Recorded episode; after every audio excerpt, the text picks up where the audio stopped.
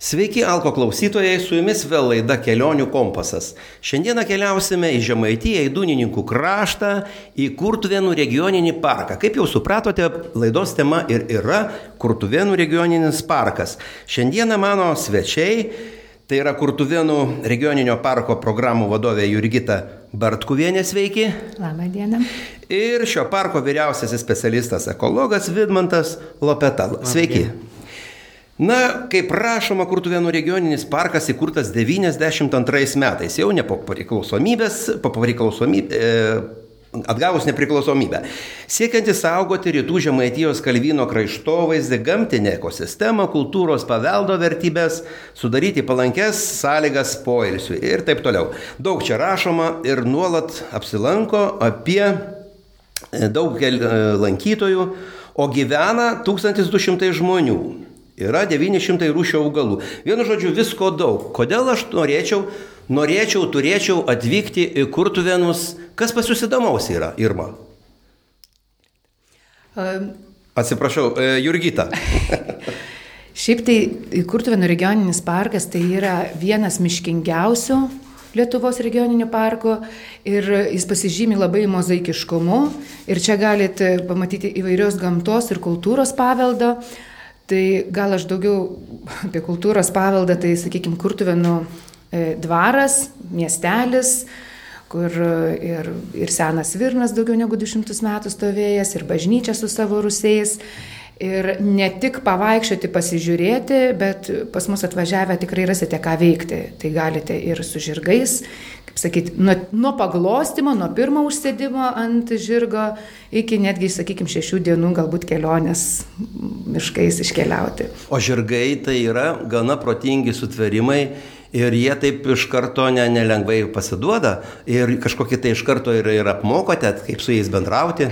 Tai žinoma priklauso, turime trenerius, turime mokytojus, kurie e, tikrai gera savo akim pamatys jūsų gebėjimą valdyti, susišnekėti su tuo arkliu. Ir taip gali tekti, kad jodsit tik tais aikštėje, bet jeigu jau jaučiat arba turit, esat patys jodinėje, turite jojimo įgūdžių, tai tikrai galima išjoti į, į valandos žygį po apylinkės. O ar buvo tokių, kurių norinčių ir kad užsisakytų tokį žygį kelių nors dienų ar į tolimesnį kraštą? Pajoti, ne tik iš jūsų, netgi ir regioninio parko ribų. Šiaip, vat, kur organizuojam tokį žygį šešių dienų iki palango, Aha. iki, iki pajūrio, vis tik tais daugiau taip jojančių yra užsieniečių. Tai esam turėję tikrai ir vokiečių, ir švedų, nors bijau čia dabar suklysti visas.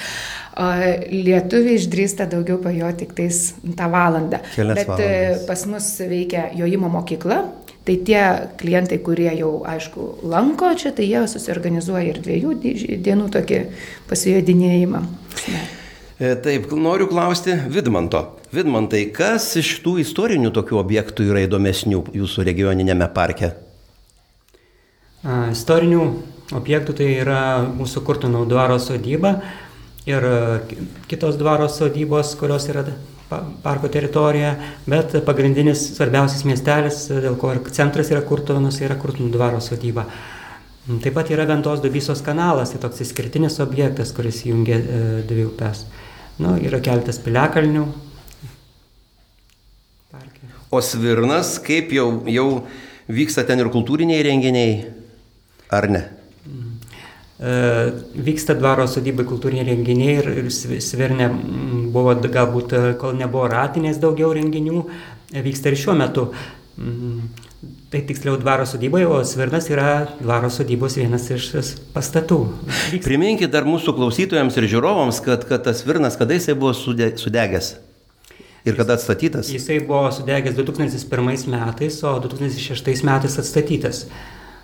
Ir per du metus atstatytas, visiškai sudegęs iki pat pamatų, tai unikalus pastatas. E, dvaro rūmų nėra išlikę. E, dvaro rūmų nėra išlikę visiškai, yra pamatai tik tai išlikę. Ir e, laukia ateities, galbūt rasti bus rūmų brėžiniai archyve, kur, nu, kadangi ne, neaišku, kaip atrodė rūmų vidus, kiek buvo kambarių. Aha, kadangi atstatėte svirną savo ir galbūt ir rūmus atstatysite, norėdami pritraukti daugiau lankytojų. Nu, jeigu tarkim, kokiam, mm, galbūt Peterburgo ar kitam archyve rasime brėžinius. Aha, dar reiškia, neturite dar dokumentų. Bet kaip statyti, atstatyti nenorime, nu, bet kaip. Na, valdovų rūmai irgi buvo ne bet kaip ilgą laiką tyrinėjami, ginčiami, daug kas ginčijosi, kad iš viso nereikia. Aš manau, kad skeptikų ir, ir jūsų tarpe ten galbūt yra to atstatymo nereikia ir, ir vienu žodžiu. O dabar sakykit, gamtos turite daug. Ir Jurgita, e, būtent kokie gamtos objektai jūsų yra? Piliakalniai, medžiai, akmenys. E, Žinau, Napoleono pušį turite. E, turim ir Napoleono pušį. Kaip jisai susijęs su karvedžiu, ar jisai buvo tenais atvykęs prie tos pušies, ar kažkokia legenda tik tai yra? Aš manau, kad Lietuvoje ne vienas objektas yra pavadintas arba susijęs su Napoleono vardu. Sunku dabar pasakyti, ar tikrai pro tą vietą pats Napoleonas tai tikrai nekeliavo, bet gal koks dalinys ar koks prancūzas ir, ir prasuko. Šiaip tai yra aišku legenda, kad toje vietoje papušim paslėptas lobis Ir vat, taip yra pušis gavusi tą Napoleono mm, vardą, tokį pavadinimą, o yra dar ir vietinių gyventojų įvairiausių pasakojimų, kad ir vaidenasi ties ta vieta, ir, ir vėjas sukyla, ir šuo rudas laksto. Tai netgi vietiniai gyventojai yra įkėlę ir koplytėlę į šitą pušį. Tai va, atvažiuokit, aplankysit, įsitikinsit. Na, jeigu pradėjom apie vaiduoklius kalbėti, Vidmantai, turite puikią gražią sen, seną bažnyčią su vid, e, ir požeminė kripta ir įrengta. Ir ten žinau, kad buvo rasti vieni palaikai su nukirsta galva ir padėta vos netarp kojų. Tai gal apie bažnyčią pradžiai šiek tiek, ar, ar kuo jinai, kokio stiliaus, kuo įdomi, gal kažkokių meno dirbinių turi įdomių. Bažnyčia yra vėlyvojo baroko mokyklos Martino Knakvoso architekto Ir jinai įdomi tuo, galbūt, kad yra tokiam mažam miesteliui labai didelė bažnyčia ir apie 50 metrų aukščio, du bokštai. Ir kaip priliksta Vilniaus bažnyčiom, o miestelėje visą laiką ir prieš 200 metų gyventojų skaičius maždaug keitėsi labai nedaug, ten nuo 150 iki 200 iki 300 su trupučiu buvo daugiausia, dabar vėl 200, na žodžiu, jisai per 200 metų maždaug, tiek bažnyčia daugiau negu 200 metų, tas gyventojų skaičius miestelėje buvo mažai keitėsi, o bažnyčia už, e, galėjo būti tokiam miesteliai mažam daug mažesnė. Ir daugam kyla klausimas, kam tokiam mažam miesteliui reikia tokios didelės bažnyčios. Ir jinai, kaip ją statė, e, finansavo Jokubas Nagurskis, labai turtingas dvarininkas, kuris žemės plotai jo buvo ko gero didesni negu dabartinio regioninio parko teritorija ir jis turėjo daug miškų, daug laukų, daug baudžiaunikų, didelės pajamos, įėjo turtingiausių Lietuvos didikų dvidešimtuką ir jis bažnyčią pastatė ne tik kaip maldos namus, bet ir kaip savo giminės mauzoliejų. Ir e, kur Ruosiuose yra tos giminės palaidojimai, yra 12 kriptų, kur Ir nesenai jos sutvarkytos tik tai, nes teko anksčiau lankytis dar nebuvo. O kiek jau metų kaip sutvarkytos? Senokai, žinokit, sutvarkytos, kuriais tiksliai metais dabar nepamenu, bet jau kokia maždaug prieš kokią gal 14 metų, ar ne? Nu, gal, gal truputį mažiau. mažiau apie 2000 metus buvom ten pirmą kartą apsilankę ir po to apsilankėmo buvo reiškia, daryti tyrimai. Ir mokslininkai ištyrinėjo, kas palaidoti, kokie rūbai ir paskui po to jau, po tų tyrimų jau buvo paskui dar skirtos lėšos tų mhm. rūsių sutvarkymui ir radinių konservavimui. O kaip ten su, ta, su, su, tuo, su tais palaikais, kur, kur buvo be galvos buvo? Ten e, ar pavardė, ten žinoma šitų palaikų ar ne? Mm, ten, ten, be pavardžiai. Be pavardės ten, tik tai buvo vien, nustatyta viena pavardė, tiksliai, kadangi buvo lentelė su įrašu rasta vieno vaiko šešių metų, o šiaip tai ten ne, tikslių pavardžių nežinoma. Mm, ir ta mumija be galvos irgi nebuvo jokio įrašo ir, ir nežinoma, tik tai ten apitiksliai nustatė, kokio amžiaus buvo vyras. Ir iš tikrųjų tą mumiją be galvos mes ten, kurie apsilankėme pirmą kartą tose požemiuose su klebono leidimu, mes tą mumiją be galvos irgi patys matėm ir, ir nuotrauka ten yra ir, ir, ir tokia yra legenda išlikusi apie tą mumiją. Vat apie legendą truputėlį. Kokia ta legenda? Ta legenda yra apie žiaurų poną, pleterį. Tai pleteriai buvo viena iš tų giminių, kurie valdė dvarą ilgiausiai.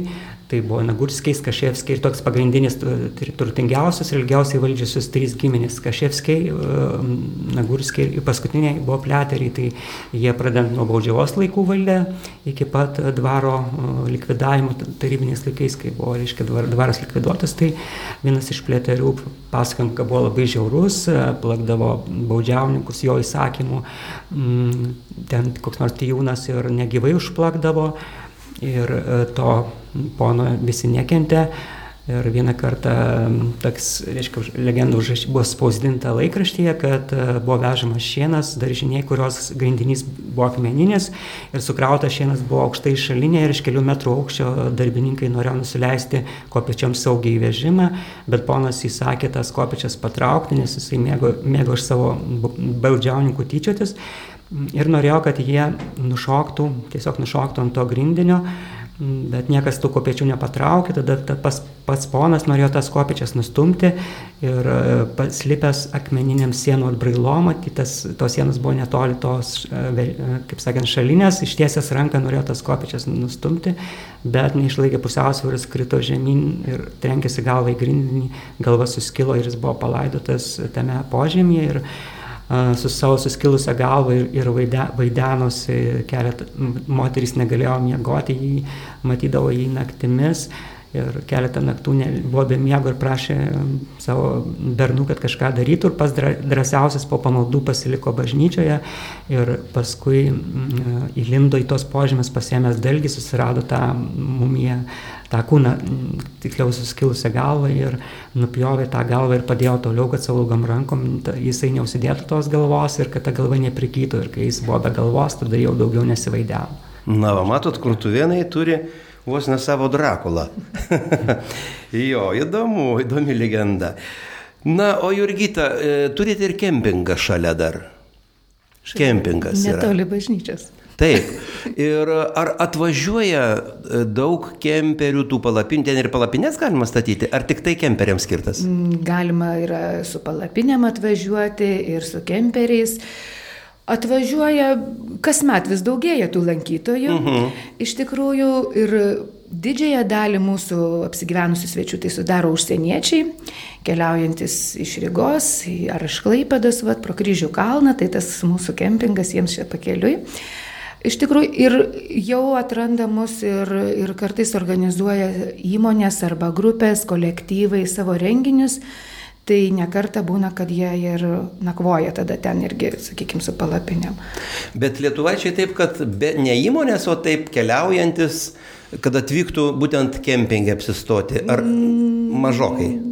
Ne, labai nedidelę dalį. Daugiau užsieniečiai. Taip, taip. Reiškia, lietuviai arba jau vyksta į kaimo sodybas tas turizmo. Taip. Ir, ir, ir taip, vienu žodžiu, tos palapinės juos nelabai domina. O su kemperiais turbūt lietuvaičiai važiuoja kažkur tai toliau. Jau, jeigu važiuoja toliau, tikriausiai. Važiuoja toliau.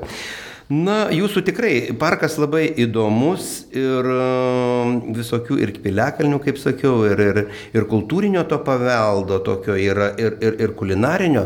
E, įdomu, žinau, girdėjau, kad ir, e, ir, ir būtent ir pleterių laikais karpiai auginami buvo ir, ir, ir žuvį ten mokėdavo tvarkyti ir, ir prifarširuoti visai. Ir dabar e, būtent pas jūs tenais parke galima paragauti ir netgi aluje mirkyto kumpio berots, ar ne? Ne? Ir... Ar čia yra tas senovinis paveldas, tikrai jisai atkeliavęs iš tų laikų, ar e, tiesiog šių laikų, na, kaip ir šakotis kepamas? E, iš tikrųjų, tai e, smuklininkė mūsų, kuri vat, yra smuklė kryškelė vadinasi kurtuvenose, tai turi keletą patiekalų, būtent tų tradicinių. Iš tikrųjų, dabar nepasakysiu prieš kiek metų, bet tokia kaip ir buvo, buvo renkami iš vietinių moteriškių e, patiekalų receptai. Ir, ir jos dar pačios ir mokino, e, kaip pagaminti. Tai vad vienas tokių įspūdingiausių, sakykime, šventiškiausių, tai yra aluje mirkytas, medum teptas ir, ir krosnyje keptas kumpis. Na, o be, be šito šventinio patiekalo, tai ir, ir kastinis, ir karpis keptas, ir įdarytas, tai čia jau pačios smuklininkės, kadangi irgi pati jinai iš tų vietų netolimo apylinkių kilusi, Tai ką namuose gaminė kažkada, tai, tai daugelis tų patiekalų ir dabar yra smukliai patiekiami. O patiems pas, pa, nusipirkti leidimą žvejoti galima? E, čia kalbat apie žuvininkystės ūkį, tai yra uždara akcija. Na tai jūs vis tiek parko teritorijoje, ar ne?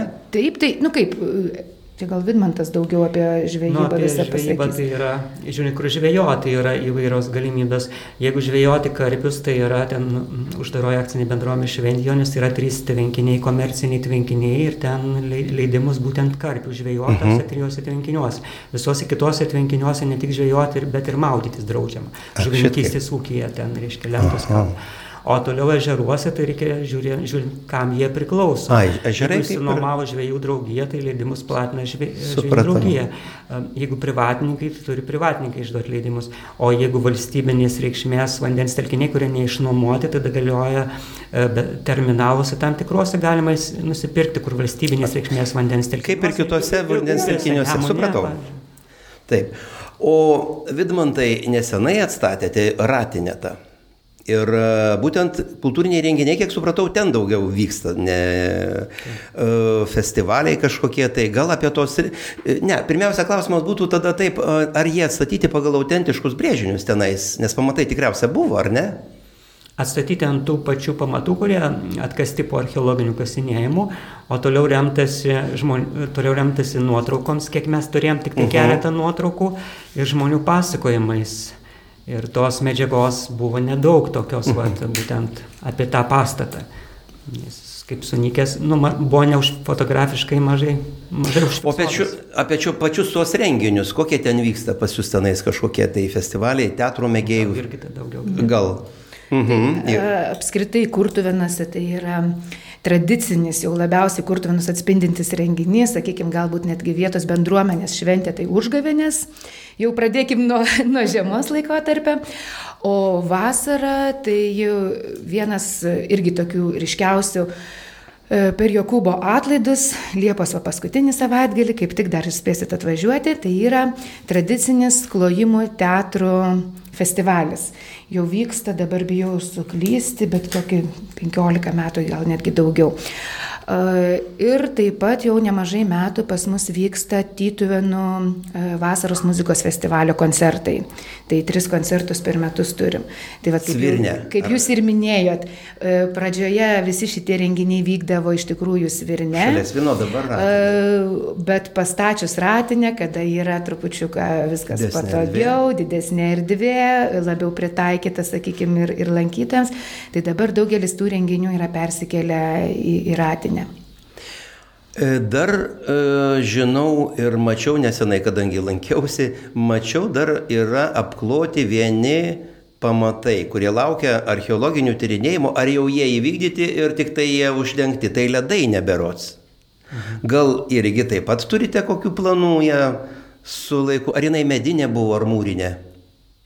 Nuo sienos buvo akmeninės, o stogas berots buvo nendrinis. Ai, nendrinis stogas. Atsta, atstatyti ne, ne, neketinate? Nu, buvo tokių, nu, asmeniškai pa, pa, pačio, ma- mano paties noras buvo, kad atstatyti tokią, tokį pastatą e, su gamtiniu galbūt, e, su gamtinė paskirsti čia, tai galėtų būti žiemavietė tokiuose pastatuose, kurie sulindė į žemę, nešildomi, tai būna kar- žiemavietė šikšnosparniams. Bet galbūt gali būti kokie edukaciniai nakties garsai, tarkim, renginiai, kurie susiję su, su nak- nakties gar, sakyt, demonstravimu žmonėms, kas yra įdomu naktį. Nu, ten, mano tokias buvo tokie pamastymai dėl to pastato. Planetarimą padaryti, pavyzdžiui. Minėjote, apie, kad Jokūbo vardas. Žinau, kad įtraukta bažnyčia yra į Jokūbo kelią. Ir yra kreuklė netgi. Ar senai tai atsitiko? Kad turbūt nesenai, nes Prieš, ga, gal, Prieš kelis metus, ar ne? Prieš metus arba prieš du metus yra taip įtrauktas. įtrauktas į Jokūbo kelią Lietuvoje. Kelią. Taip, Švento Paštalo Jokūbo bažnyčia. Va, kaip šaunu. Ir nuo jūsų bažnyčios galima pradėti keliauti į Ispaniją Santiago de Compostela. Galima ten keliauti, galima Lietuvoje ratą susukti po paštalą, nu, po Taip, Jokūbo vardą turintį. Jokūbo kelią. Ir dabar didėja, daugėja, nes mes irgi keliaudame į Kurtuvenus, tiesiog užvažiavome ir į Šilumą, ir į Tytuvenus, ir ten tiesiog vos ne piligriminis kelias eina. galima ir pešiomis. O sakykit, kaip vat, per tuos atlaidus, kai būna šiluvos atlaidai, e, ar pas jūs padaugėja lankytojų, taip, ar jaučiasi ta trauka, kad ir pas jūs nu, nu, nu, nu, nuplūsta, ar daugiau per festivalius tokių žmonių atvažiuoja? Nu, gal labiau klebonų reikėtų klausti, bet iš tikrųjų tai e, per festivalius ir vasaros metu nu, daug labai sezono metu vestuvių grįžta galbūt ir, ir tos parapijos gyventojai, vat, tuoktis būtent ne kad mieste, bet, bet iš tikrųjų į tokią gražią erdvę, kur ir susituokti gali, ir, ir po to toje erdvėje kažkiek laiko praleisti, ten, sakykime, fotografuojasi jaunavedžiai. Tai teko. Teko matyti vaikų ir žinau, kad vykdote edukacinius projektus. E, taip, turim daug įvairiausių edukacinių programų paruošę lankytojams. E, ne tik suaugusiesiems, sakykime, kaip kokia nors apžvalginė ekskursija arba dvaro istorijos ekskursija, bet moksleiviams ir netgi iki mokyklinukams pritaikytos mūsų programos nuo laimės pasagos paieškų e, aplankant ir, ir, ir, ir piliakalnį, ir svirną, ir, ir bažnyčią, ir su žirgais tada vaikai gali pajoti. Ir turim taip pat edukacinių programų, kurios yra E, paruoštas moksleiviams, e, kurios papildo jų ugdymo turinį, kur mokytojai gali ir pamokas atvažiavę vesti gamtoje, arba, sakykime, su mūsų e, tiek ekologų, tiek raštotvarkininkų pasitarę kažkaip gali, gali keliauti į gamtą. Tas programas dažnai, aišku, truputėlį pakeitę ir suaugusiesiems pasiūlom. Tai vad, ne tik patiems keliauti, pasižiūrėti į regioninio parko ten vertybės, bet iš tikrųjų su specialistu išėjus kartais pamatai to, ko pats nepastebėsi, arba gali išbandyti, ar pačiupinėti, ar išgirsti. Ir e, stengiamės programas pasiūlyti ne tik vasaros metu, bet skirtingų metų laikų, pavyzdžiui, žiemą pėdsakų išeiti paieškoti, ar žvakių palėti šiltoj troboj E, rudeniop lapams nukritus arba dar neišsprogus anksti pavasarį, kokiais milžinų takais pasivaikščioti, būtent reliefą pastebėti. E, lygiai taip pat galim ir labai anksti keltis, ketvirtą, penktą valandą, paukščių klausytis pirmųjų prabudusių, arba eiti vėlai miegoti, kada jau paskutiniai paukščiai užsnūsta ir šikšnosparniai išskrenda, taip pat kaip tik Vidmantas ir, ir pavedžioja vaikus naktinių garsų pasiklausyti. Kaip tik užsiminėte apie paukščius, ar pas jūs e, vyksta, organizuojami, ar atvyksta ornitologiniai turai tokie būna? Stebėti būtent paukščius pavasarį, rudenį ir, ir būna tokie vidmantai, ar ne? Atvyksta. Pasakysiu. Su paukščiais yra įvairių dalykų vyksta. Šiaip būna rudeninės paukščių palydos, toks tai tradicinis jau renginys, pirmas spalio savaitgalį jau daug, daug metų, jau gal nu, maždaug nu, 2000 metų, nu, gal kokie 15-16 metų. Mm, dabar šiais metais jo toksai buvo renginys marat, paukščių stebėtojų maratonas. Ir čia buvo Šiaurės Lietuvoje, pas mus vienoje sodyboje, mm, reiškia, buvo įsikūrę Deikio, Petro Deikio sodyboje ir Šiaurės Lietuvoje, čia aplinkiniuose rajonuose ir parko teritorijoje, ir aplinkinėse vietovėse per parą laiko stebėjo varžybos, vos kas daugiau užfiksuos e, ten tam tikrose kvadratuose, ten 10 ant 10 km paukščių rūšių, reiškia, nemiegodami faktiškai per parą laiko, ten su, su prizais. Nu, čia organizavo ornitologų draugija. E, toliau dar e, čia ruošiamas toks Lietuvos perinčių paukščių atlasas, tai čia jau visoje Lietuvoje ir taip pat ir mūsų teritorijoje ir dar kitais metais bus stebėjimai atliekami ir fiksuojant, kokie, kokie paukščiai perė mūsų, visoje viso Lietuvoje ir mūsų parko teritorijoje. Na, turite 80 procentų jūsų parko užima miškai ir tai trečias parkas pagal miškingumą, ar ne? Nu, taip skaičiam taip. Kokių ypatingų gyvūnų, lūšių ar gyvena pas jūs, vilkų? Ai, tai tokie pat egzotiški gyvūnai galbūt pas mus Mm, meškų, meškos išnykę, reiškia dabar patys egzotiškiausi turbūt yra lūšys ir vilkai iš tikrųjų. Aha, turite nu, ir, dar, ir dar briedžiai, galbūt jau tokie didžiausi žvėrys, kurie dabar gyvena, tai yra briedžiai, kur pamatyti tenka retokai, bet dabar jau jų truputį daugėja, daugėja ir tai nėra didelė naujiena pamatyti. O vilkai yra tokie gyvūnai, kurių yra mažai. Ir jų pamatyti faktiškai niekada, nes jie žmogaus bijo ir pėtsakus dažniausiai mes žiemą einam vilkų ieškoti pėtsakų, kartais kai būna vilkų apskaitos, o lūšį tai dar rečiau e, tenka pamatyti, o lūšis augina Petro Adeikio sodybą ir stengiasi Lietuvoje jas atgaiv... įveisti, ta prasme, išnykusias lūšis atkurti, tai aplinkinėse teritorijose pasitaiko retkarčiais, ten Vitsodį teko stebėjo Petras Adeikis, na, nu, žodžiu, mūsų parke tai labai, labai reti gyvūnai, tų egzotų egzotiškų dažniausiai nepamatai, tiesiog randi retkarčiais pėdsakus ant sniego, bet ir ne kiekvieną žiemą to sniego būna. Bet jie žmogaus vengia ir nepuola žmonių, ne? Ne, tik, tikrai nepuola, nei lūšis, nei vilkai, nereikia žmonėms jų bijoti. Nebent koks būtų hybridas ten šuns ir vilko ir koks būtų arba pasilikė užsikrėtęs. Taip, o dabar mm, norėčiau tada klausti, apie dar žirgus mes kalbėjom, bet pamiršau, gal neišgirdau, apie arklių terapiją. Ar teko girdėti, kad tokia yra? Ne, tai patys vykdom, ne, ne visai patys, kartu su Šiaulių. Vykdote tokią, va, aš ir norėjau. Terapijos centras įkurtas, tai yra iš tikrųjų pagalba žmonėms turintiems negalę, judėjimo negalę. Ir ta terapija dabar vat, ir pas mus yra atliekami įvairiausi tyrimai, jau ir moksliškai pagrįsta ta nauda žmogui kuris turi judėjimo kažkokiu tai sutrikimu ar, ar po traumų. E, sėdint žmogui ant žirgo, jojant, jo judesiai, nugara, pečių linija dirba labai panašiai taip, kaip ir jisai, kad eitų. Tai va būtent tai leidžia jam mankštinti kartais šiaip nemankštinamus galbūt raumenis ar dar Tai pati nesu specialistė, sunku man daugiau šnekėti, bet iš tikrųjų tai vyksta beveik kiekvieną vakarą, atvažiuoja šeimos, atsiveža ir vaikų neva, sunkiai vaikščiančių arba nevaikščiančių, bet lygiai taip pat ir suaugusiųjų. E, iš kitos pusės hipoterapija tai ne tik tais e, judesio, reiškia, terapija, bet ir psichologinė, nes taip Vat pat yra, yra, yra lankės, lankosi ir dabar.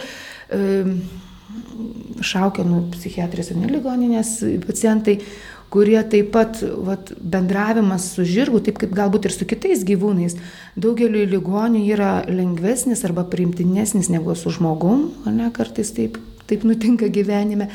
Ir, ir kartais atveria arba atveria žmogui kažkokius tos klodus ir palengvina jam jo emocijas galbūt kartais leidžia išreikšti. Na, kadangi mūsų laida jau kažkaip ir be, į pabaigą eina, e, jo, iš tiesų aš manau, kad tikrai galėtumėte daug pasakoti.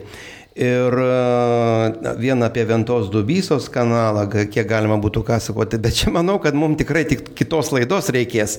E, tiesiog gal toks klausimas būtų paskutinis, kokie keiščiausi renginiai pas jūsų vat, regioninėme parke, kur gal net kitų, ar buvo užsukę, kokie nors su, suvažiavę, gal ar pipkoriai, pipkės rūkyti, ar, ar, ar dar kažkokia, ar, ar pasakas pasakot, toks neprisiminsit greitai, tai per minutę dar na, tokie ar, ar, ar, ar sapnų gaudytojai kokie nors, aš nežinau, kad ko kitur nėra.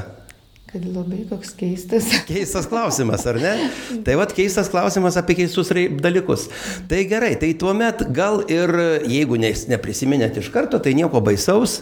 Manau, kad tikrai dar e, prisiminsite ir galbūt susitiksime dar šioje pat laidoje po kiek laiko, nes iš tiesų mes kaip tik irgi ketiname daryti tokį ciklą apie Lietuvą, apie saugomas teritorijas, apie kas iš tiesų per tą pusvalandį daug ko nepaminėsi.